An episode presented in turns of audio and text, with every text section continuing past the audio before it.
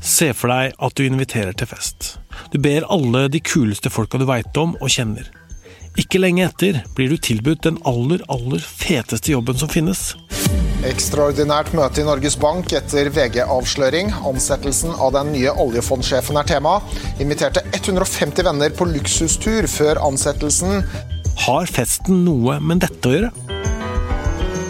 Jeg heter Tor Erling Tømt Ruud, og dette er podkasten Verdens gang.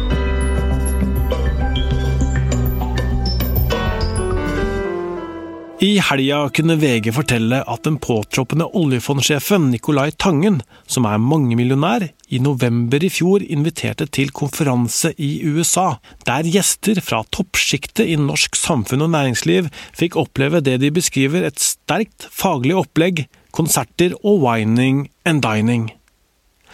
Bjørn Haugan er en av journalistene som avslørte dette her i VG. Bjørn, kan du fortelle oss hva slags opplegg dette her var? Ja, nei, dette var eh, den store drømmen til Nicolai Tangen.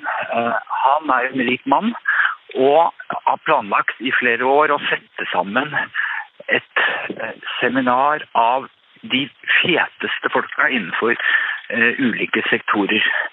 Eh, så viste det seg da at veldig mange av de som var invitert, var norske topper. Og jeg må jo si jeg fikk bakoversveis eh, da vi så lista at det var f.eks. regjeringsadvokaten og Yngve Slukstad som han skulle ta over etter, som var på det seminaret. Da begynte vi å jobbe.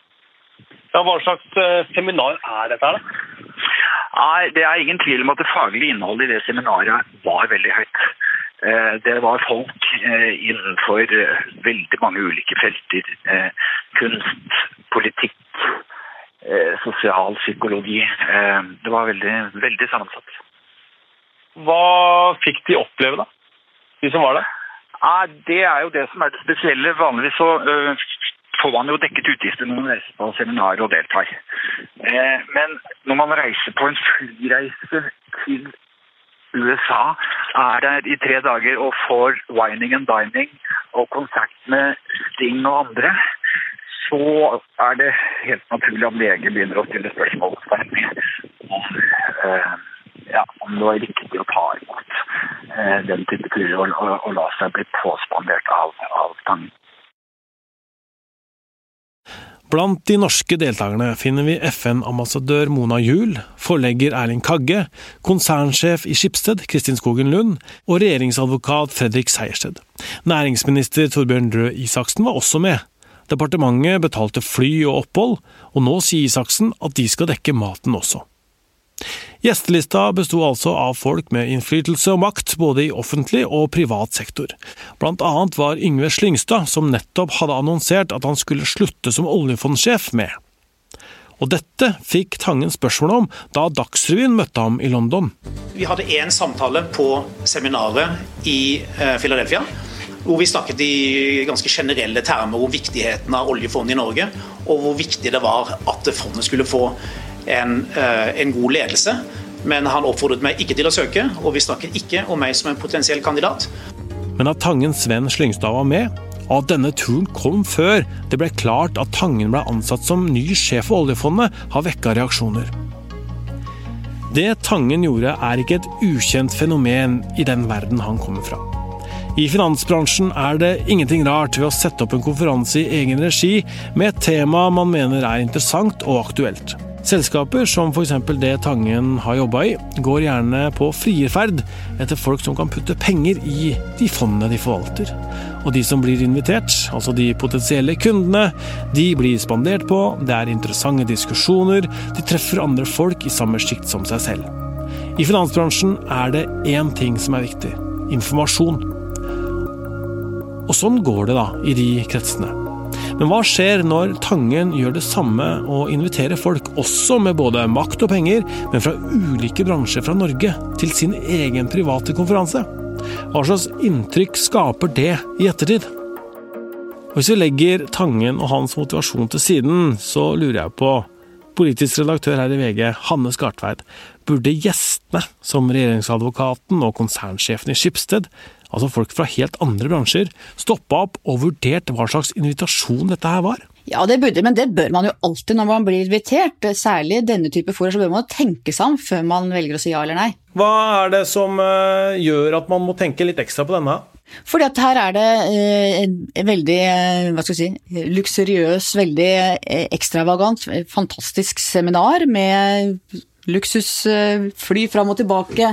Det er Eh, det er mye makt som er samla der, og det er klart at det er et gaveelement i det. Er et privat arrangement, så at det kan godt hende mange av de skulle sagt ja, men de burde absolutt tenkt seg om på forhånd og vurdert om det var riktig, i kraft av hvilke stillinger de har til ethvert tidspunkt, hva som er deres rolle i samfunnet.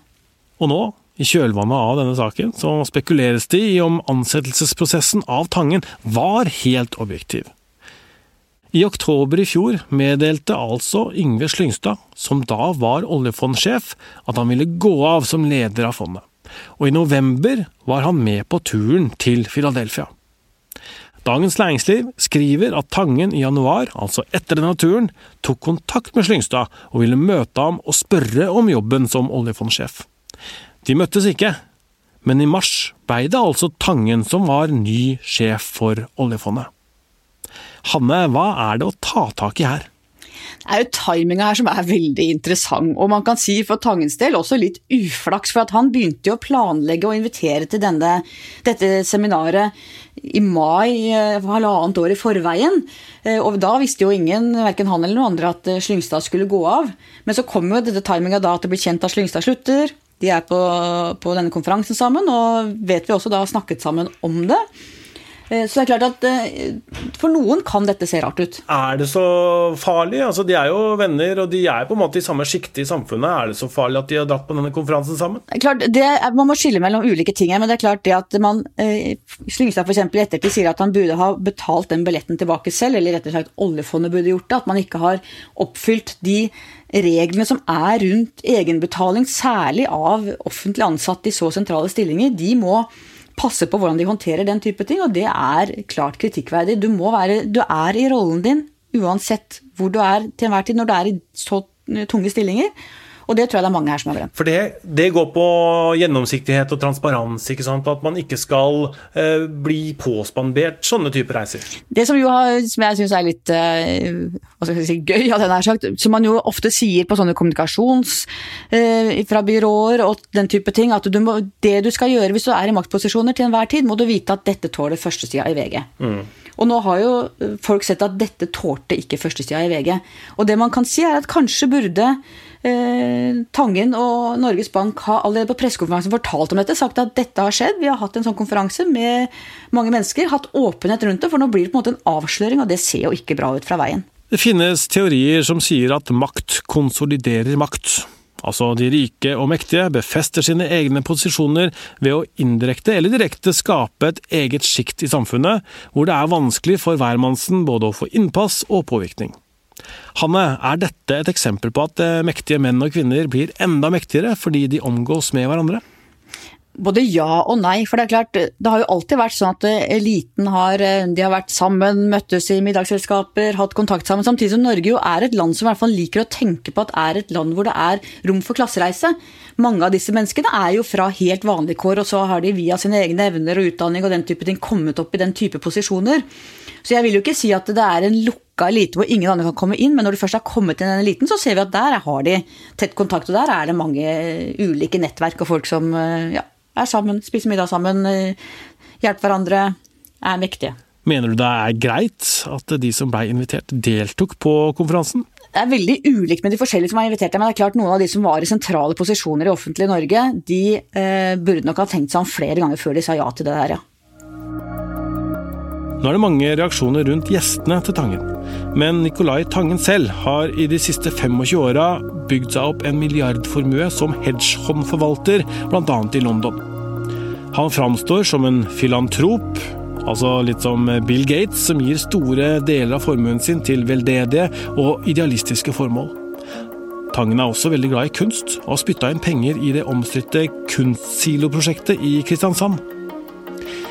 Det er lett å bli imponert av eh, disse rike folka, som gir fra seg formuen sin, sagt enkelt for å gjøre verden til et bedre sted. Samtidig er det sånn at når de fritt kan velge hva de mener som gjør verden til et bedre sted, så er de med på å forme samfunnet vårt uten at vi egentlig kan bestemme noe av det. Så ved å gi bort masse penger, så kan man i realiteten få makt til å prioritere hvordan samfunnet ser ut. Nå er Tangen satt til å forvalte vår, altså Norges felles formue. Det er et eh, stort ansvar. Og i lys av det som vi vet om Tangen, med milliardformue og finansbakgrunn, Tror du, Hanne, at han vil jobbe ut fra den norske modellen og tilpasse seg det norske samfunnet, nå som han skal forvalte oljefondet? Ja, Det syns jeg er et veldig godt spørsmål, og kanskje det sentrale spørsmålet her. For som du sier, dette er jo vår felles sparegris. Dette er noe som alle nordmenn føler at de har et eierskap til. Det er vår felles oljeformue som er satt inn i et stort aksjefond. Eh, og for Nicolai Tangen sin del så har dette vært en krasjlanding, tenker jeg, fra liksom 20 år i finanseliten i London med hedgefund og milliardærer til den norske virkeligheten, hvor det vi har fått avdekket, i hvert fall synes å tyde på at han ikke er helt tuna inn på den norske samfunnsmodellen og hvordan nordmenn flest tenker. Er han da riktig mann for eh, jobben? Ja, det syns jeg er vanskelig å svare på. Han jo, er jo utvilsomt veldig flink til å, å tjene penger og investere. Eh, men en som er leder for oljefondet, skal jo også forstå den samfunnsmessige rollen til oljefondet, forstå politikken, hva Norge er. Og da vil jo tiden vise om man har de tentaklene ute og forstår det, eller om han er altfor preget av det livet han har levd de siste 20 årene. Jobben Tangen har i oljefondet er jo enkelt sagt å forvalte våre barn og barnebarns fremtidige økonomiske sikkerhetsnett. Vi trenger åpenbart en dyktig fagmann. Samtidig er det vel en rolle som har en ganske stor eh, etisk side ved seg. Hvordan sikrer vi at vi får de flinkeste folka til å forvalte oljefondet? Det handler jo veldig mye om tillit. Eh, og det må de som forvalter oljefondet og de som forvalter akkurat som politikerne våre, de som forvalter store verdier for norske samfunnet, må ha tillit. Eh, og det er klart, han har jo nå starta litt oppoverbakke, så får vi se om han makter å, å få nok tillit til å inneha det vervet. Men som du sier, Hanne, så har han vært i denne tøffe finansbransjen i London i mange år. Hva er det som venter ham når han kommer tilbake til Norge? Fortsatt vil jeg si et ganske nøkternt samfunn, og et samfunn særlig nå, i koronaens tid. Det er jo en ytterligere tilleggsdimensjon her. Samfunn hvor vi prøver å stå sammen, hjelpe hverandre, hvor det er liksom veldig Vi snakker om liksom å hjelpe hverandre, om at det er eh, tillit som er den viktigste grunnverdien i det norske samfunnet, skal bære oss gjennom dette. Og det er klart at da, Når denne saken kommer seilende inn da, så er får den ekstra sprengkraft, tror jeg. Ok, eh, Politisk redaktør i VG, Hanne Skartveit, takk for at du var med. Takk for at jeg fikk være med. Ha det fint.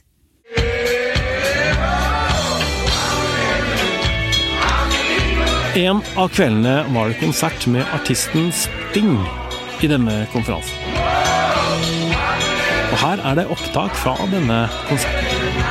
Tangen har uttalt at han ikke helt har oversikt over hva hele konferansen totalt har kosta, men han husker hva han betalte Sting.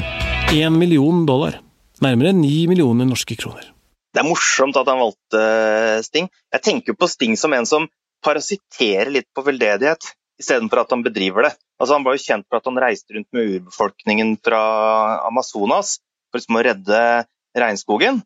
Og så etterpå så synger han for eh, dattera til eh, diktatoren i Usbekistan. Dette er Carl Fredrik Tangen, førstelektor ved Høgskolen i Kristiania.